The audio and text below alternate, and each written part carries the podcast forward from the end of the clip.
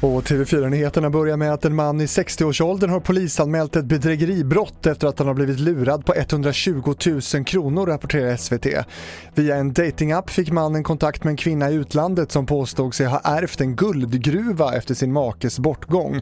Kvinnan ville skicka guldet från gruvan till mannen så att han kunde bevara det i Sverige. Inbrotten i källare och vindsförråd har ökat kraftigt under coronapandemin. Förra året steg antalet anmälda förrådsinbrott med 30% och samma utveckling har fortsatt i år. När många är hemma i sina bostäder hittar tjuvarna nya platser att bryta sig in i. Framförallt är de ute efter cyklar och verktyg.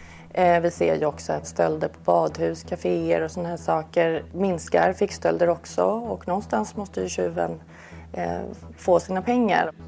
Det sa Lina Nilsson på Stöldskyddsföreningen. Till sist om den kvinna i 90-årsåldern som polisen letat efter sedan igår kväll i Nyhamns läge i skånska Höganäs då hon försvann från ett äldreboende. Hon är nu återfunnen i sin egen trädgård. Kvinnan var både vaken och talbar och undersöktes på plats av ambulanspersonal. TV4-nyheterna med Fredrik Rahlstrand.